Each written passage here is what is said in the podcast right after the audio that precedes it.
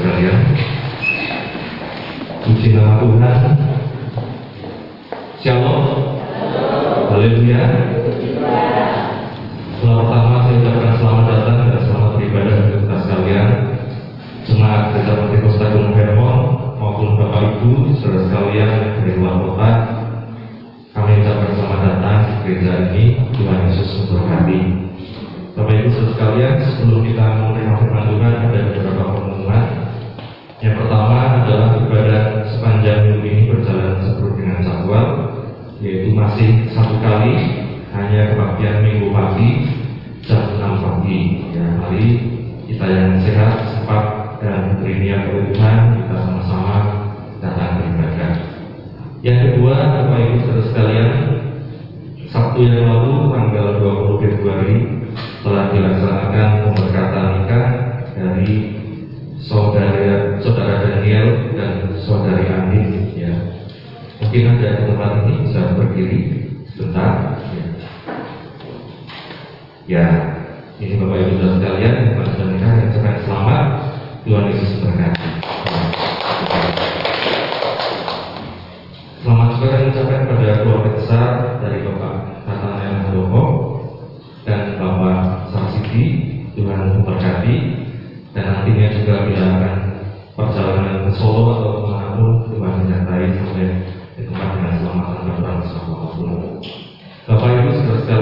pagi hari ini firman Tuhan akan dibawakan oleh hambanya yaitu pendeta Agus Santoso. Ya beliau juga adalah uh, suami dari Tante Lili.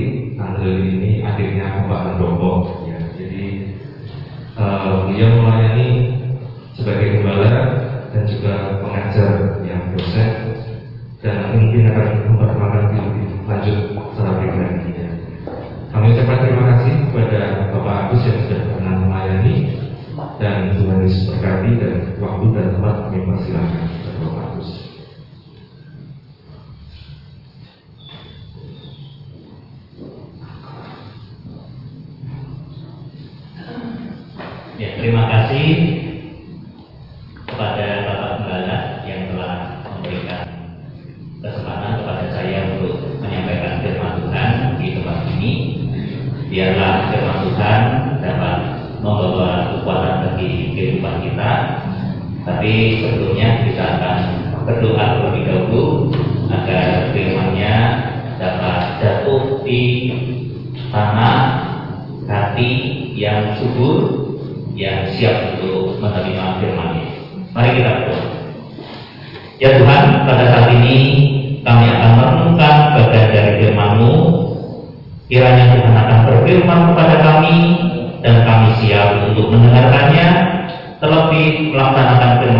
di dalam kehidupan hari demi hari. Hanya di dalam nama Tuhan Yesus kami serahkan waktu kami, waktu di dalam kami mendengarkan firman. Haleluya, amin. Mari teman sekalian, sebelum saya memperkenalkan diri, kita akan membaca firman Tuhan yang diambil dari keluaran pasal yang ke-14 keluaran pasal yang ke-14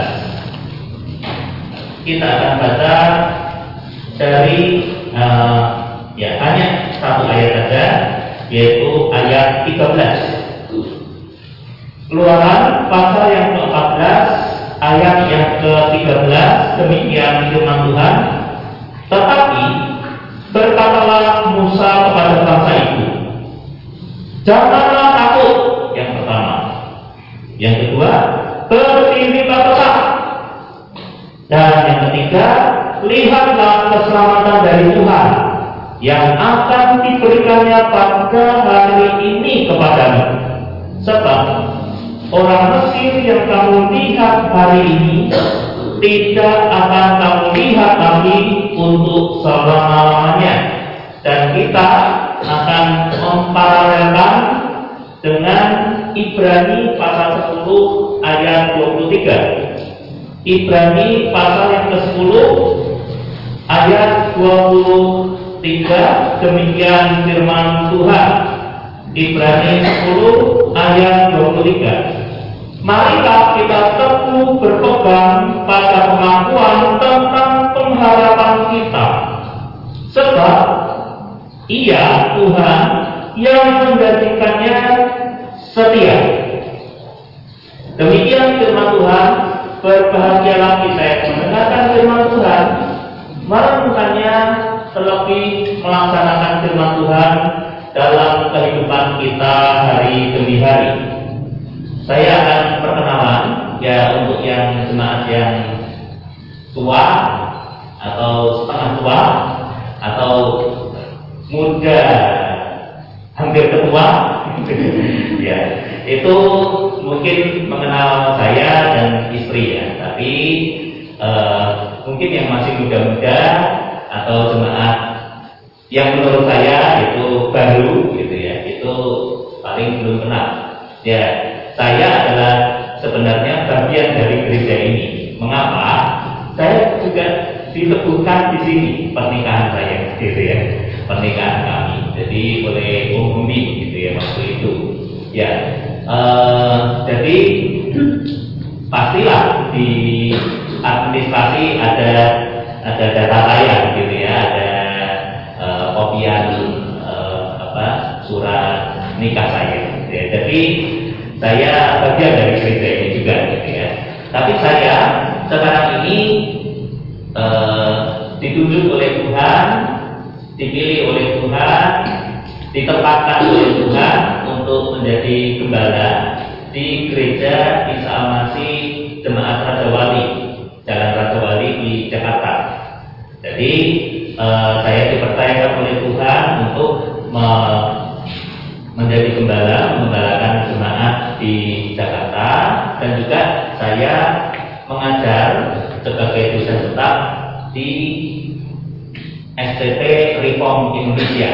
Kalau dengar nama Pak Yakub Susabda, eh, itu pendeta Yakub Susabda itu eh, dulu adalah pendiri, sekarang eh, dosen, tapi jelas beliau ini adalah dosen senior dan pendiri, sehingga pastilah itu sangat dihormati. Baru malam kemarin itu eh, ada seminar dari Pak Yakub Susabda dan saya eh, disuruh untuk membuka seminar itu, eh nggak masuk masuk gitu ya.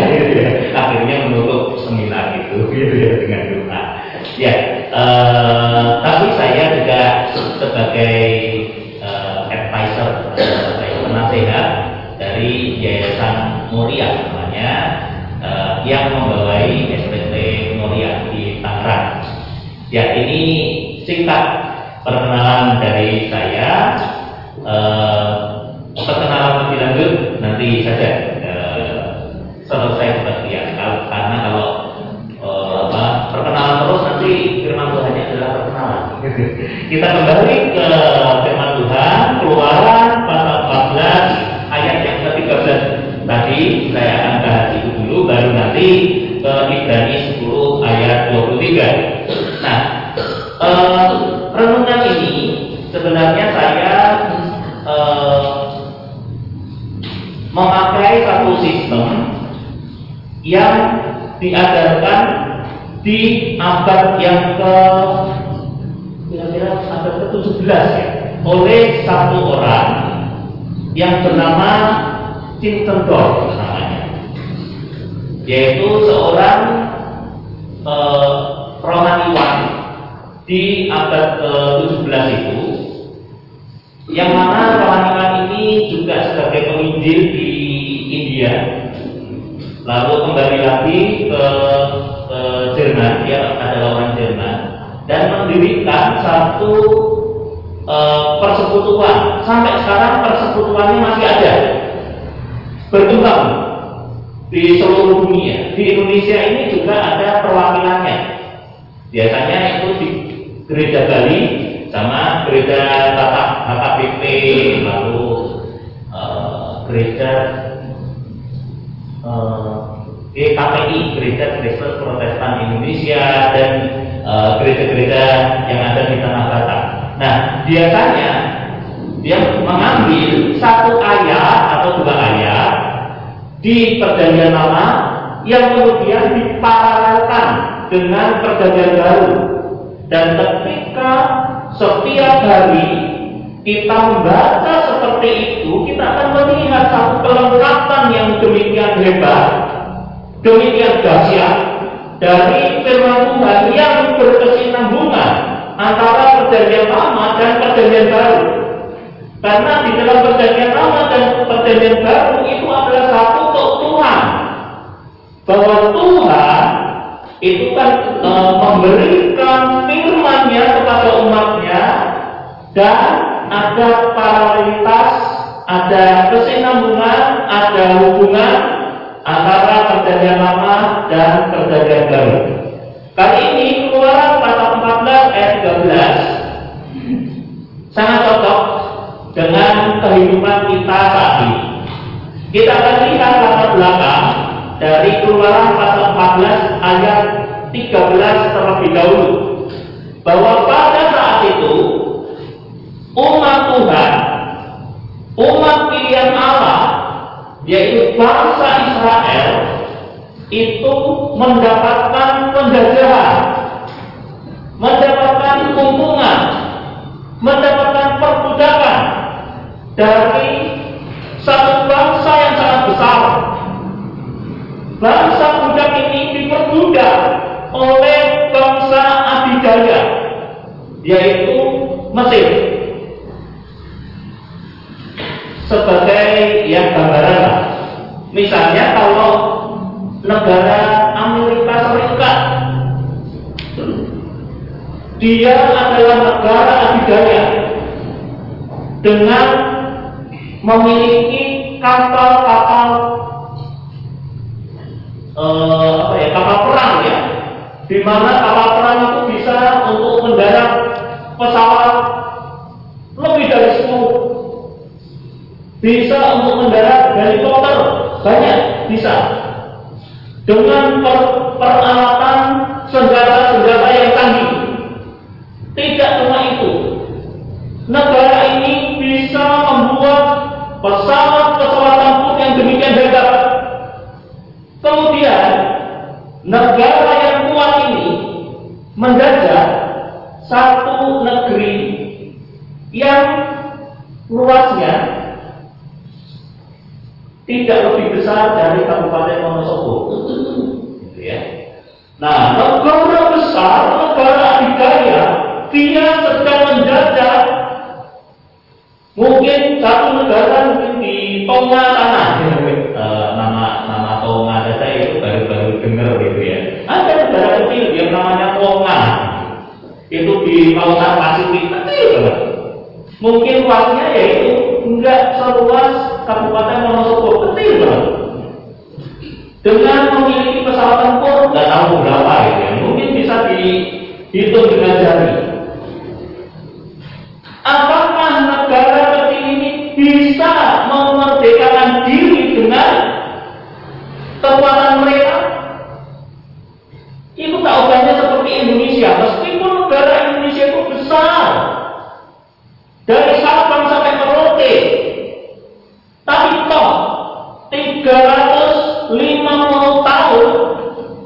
Dijajah oleh bangsa Belanda yang negaranya itu kecil banget.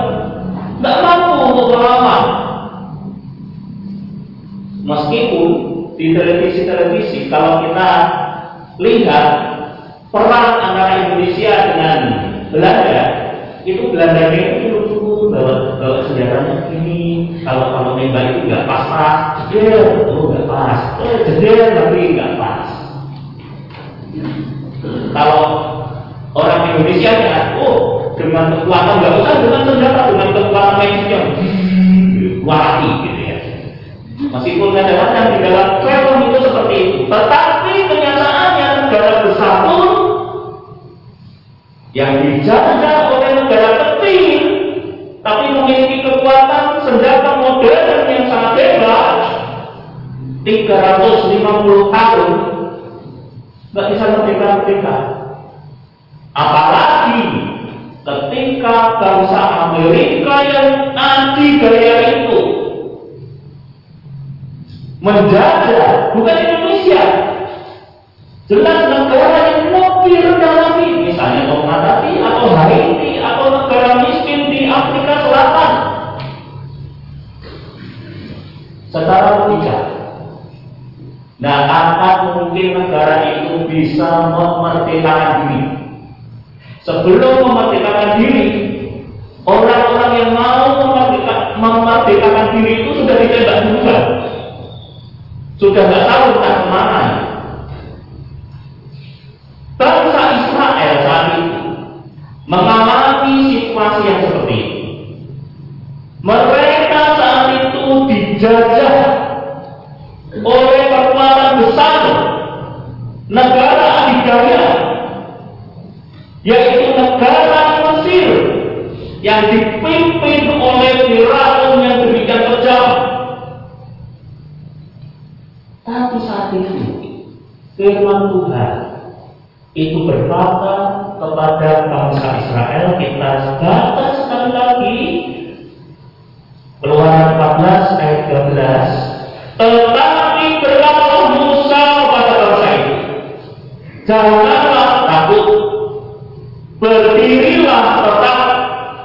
dan lihatlah keselamatan dari Tuhan yang akan diberikannya hari ini kepadamu. Sebab orang Mesir yang kamu lihat hari ini tidak akan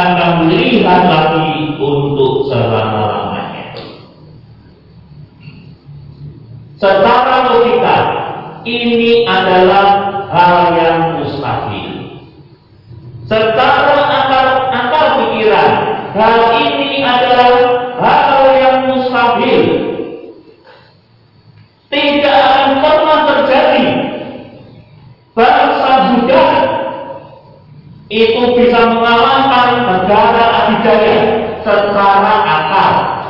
Hal itu adalah mustahil. Tetapi di hadapan Tuhan. Tetapi bagi Tuhan hal yang mustahil menurut manusia itu bukan hal yang mustahil bagi Tuhan. Ketika Tuhan turun tangan, hal mustahil itu adalah yang kecil bagi Tuhan itu adalah kecilnya itu satu hitam itu ya. Kuku hitam itu tinggal titik gitu ya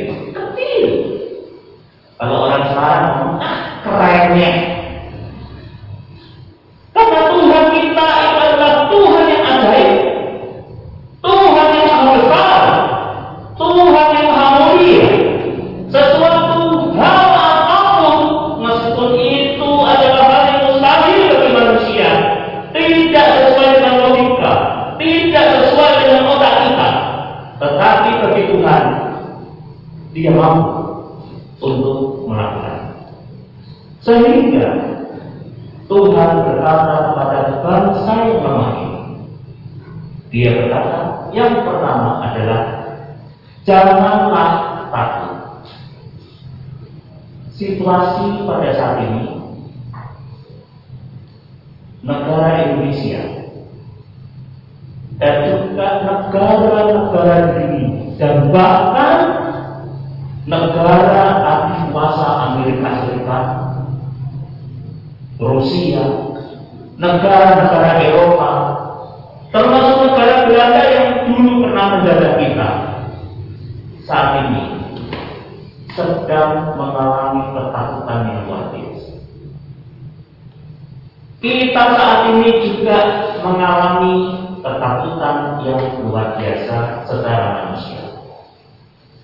Kita diserang oleh virus yang tidak bisa lihat oleh kita. Apakah berada di sini, di dekat saya, atau bahkan sudah menempel di tubuh saya, baru menempel. Atau mungkin jangan-jangan sudah ada di tubuh saya. Sehingga banyak sekali OTG yang berjalan-jalan di luar. Kita nggak tahu siapa OTG, siapa yang sudah pernah, siapa yang belum. Kita nggak tahu. Jangan-jangan ada di dekat kita. Terbang-terbang di sekitar kita kalau itu terbang gitu ya. Tapi katanya tidak terbang. Itu hanya ketika di ruang AC gitu ya. Ketika kita ngomong, dropletnya itu terbang gitu ya. Bisa mengenai orang.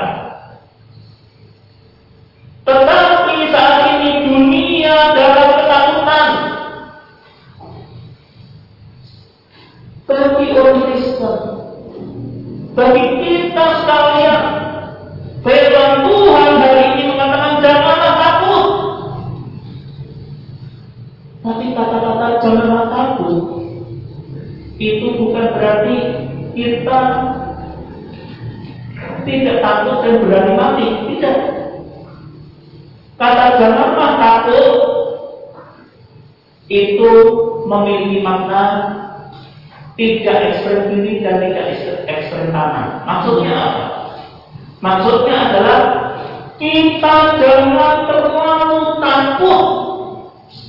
Ada orang yang karena terlalu takut itu dia berada di dalam rumah terus nggak pernah ke mana-mana hanya ada di dalam rumah terus saya punya satu jemaat di awal-awal covid dia takut dia berada di apartemen, dia ada di dalam rumah terus. Dia hanya sekali-kali turun dari apartemen, ambil makanan yang sudah diantar oleh Grab, Grab food ya, terus naik ke atas lagi. Makan, makan makan. Nah itu siapnya, ya dia turun ke bawah. Dan selama beberapa bulan di awal itu, dia takut sekali, sangat ketakutan dengan virus itu. Tapi meskipun dia ada di dalam rumah terus-menerus dan saat itu memang Jakarta lockdown. Jadi kalau keluar rumah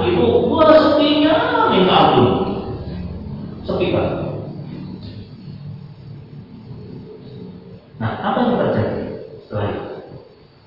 Toh meskipun orang yang ada di dalam rumah menyendiri terus menerus, bisa menakluk. Dan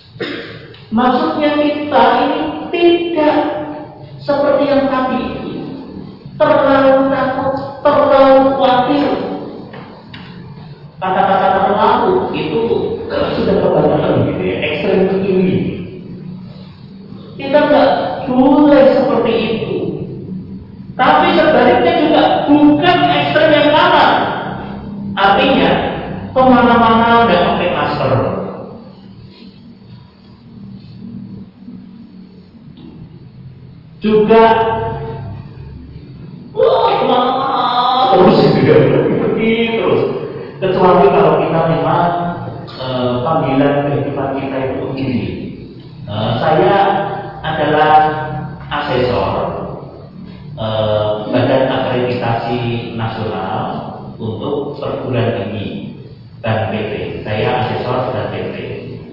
Waktu itu ada eh, pelatihan untuk mengisi eh, instrumen-instrumen akreditasi yang baru untuk bagian keagamaan Kristen. Saya ikut, yaitu ada dua ekstrem tadi. Ada satu pendeta yang sejak COVID sampai waktu itu bulan November ya, bulan eh, Oktober, Oktober itu nggak pernah ke mana-mana. Dia adalah konselor pendeta ini, seorang konselor. Ya kalau mau konseling ya lewat Zoom. Nggak pernah ke mana-mana.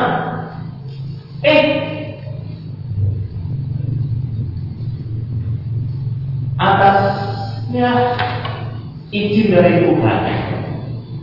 Dia kena COVID tapi di sisi yang lain di mereka berdua ngomong-ngomongan ada penginjil saat itu dia orang Medan. Tapi saat itu dia berada di Toraja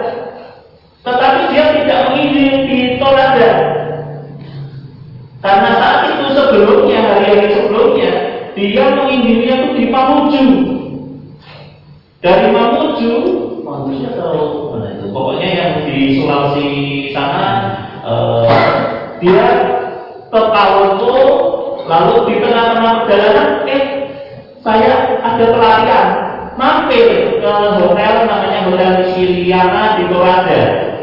Dia mampir di situ, lalu ngesum, ngesum. Terus setelah itu sorenya berada lagi ke Makassar untuk pergi ke mana lagi nggak tahu. Dia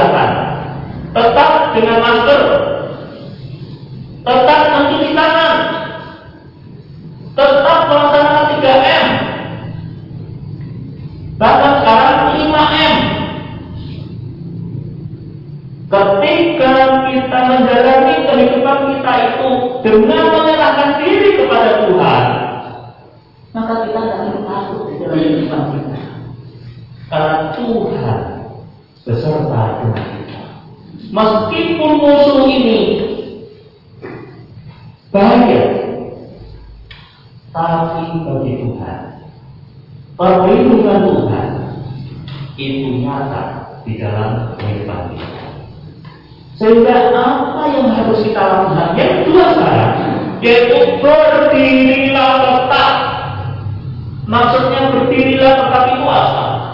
Maksudnya adalah tetap kita beriman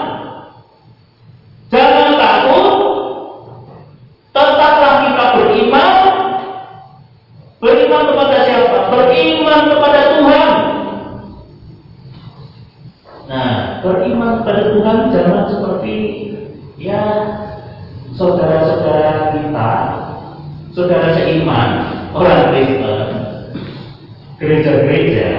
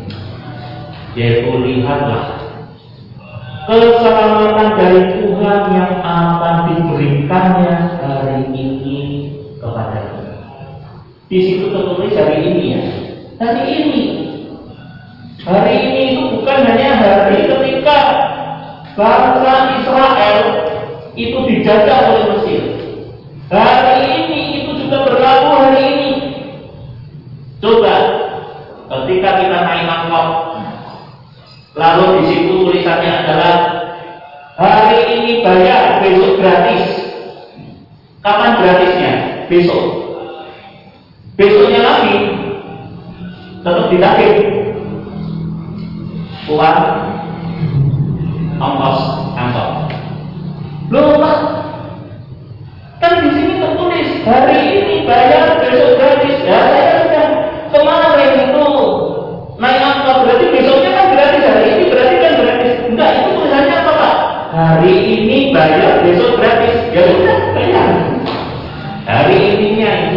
terus berlangsung. Dan sekarang ini pun Tuhan berkata kepada kita bahwa hari ini pun Tuhan itu bersama kita semua. Tuhan itu ada di dalam kehidupan kita. Dan bahkan ada satu lagu yang sangat bagus, lagu yang sangat terkenal, dan lagu itu masih aktif sampai sampai sekarang yaitu dia hanya sejauh doa. Dia hanya sejauh doa. Nggak jauh-jauh nih nggak usah kita betul-betul gitu ya. Nggak usah. Berdoa di dalam hati kita di rumah kita. Waktu nyetir kita berdoa dari hati kita.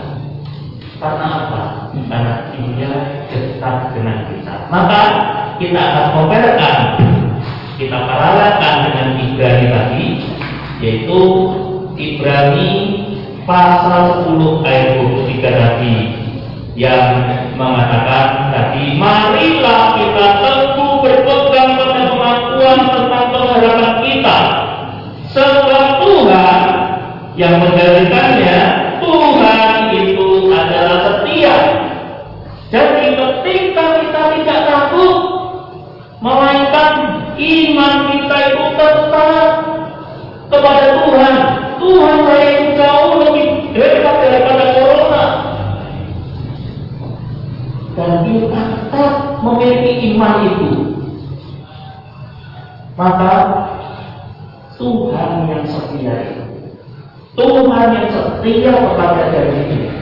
janjinya mengatakan bahwa hari ini ada keselamatan bagi kita semua.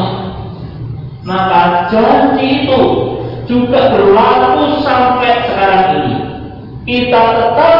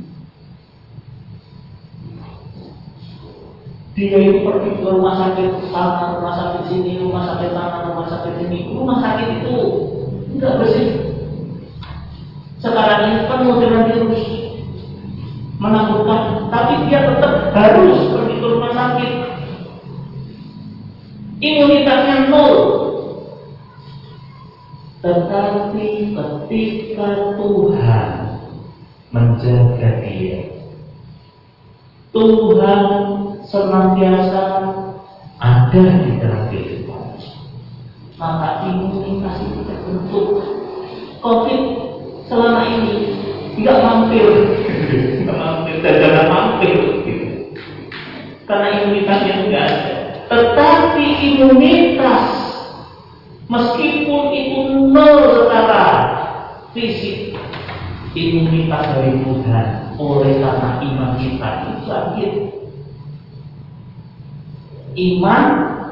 ನೀವು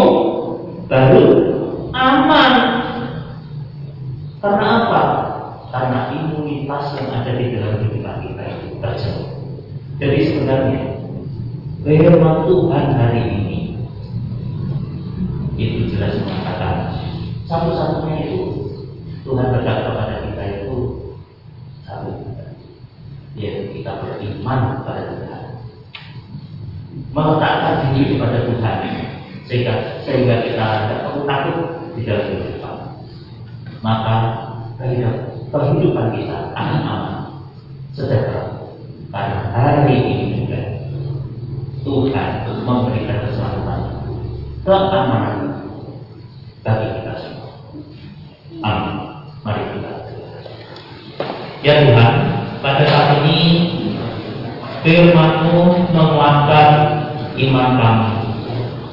Biarlah kami tetap di dalam iman kepada kita.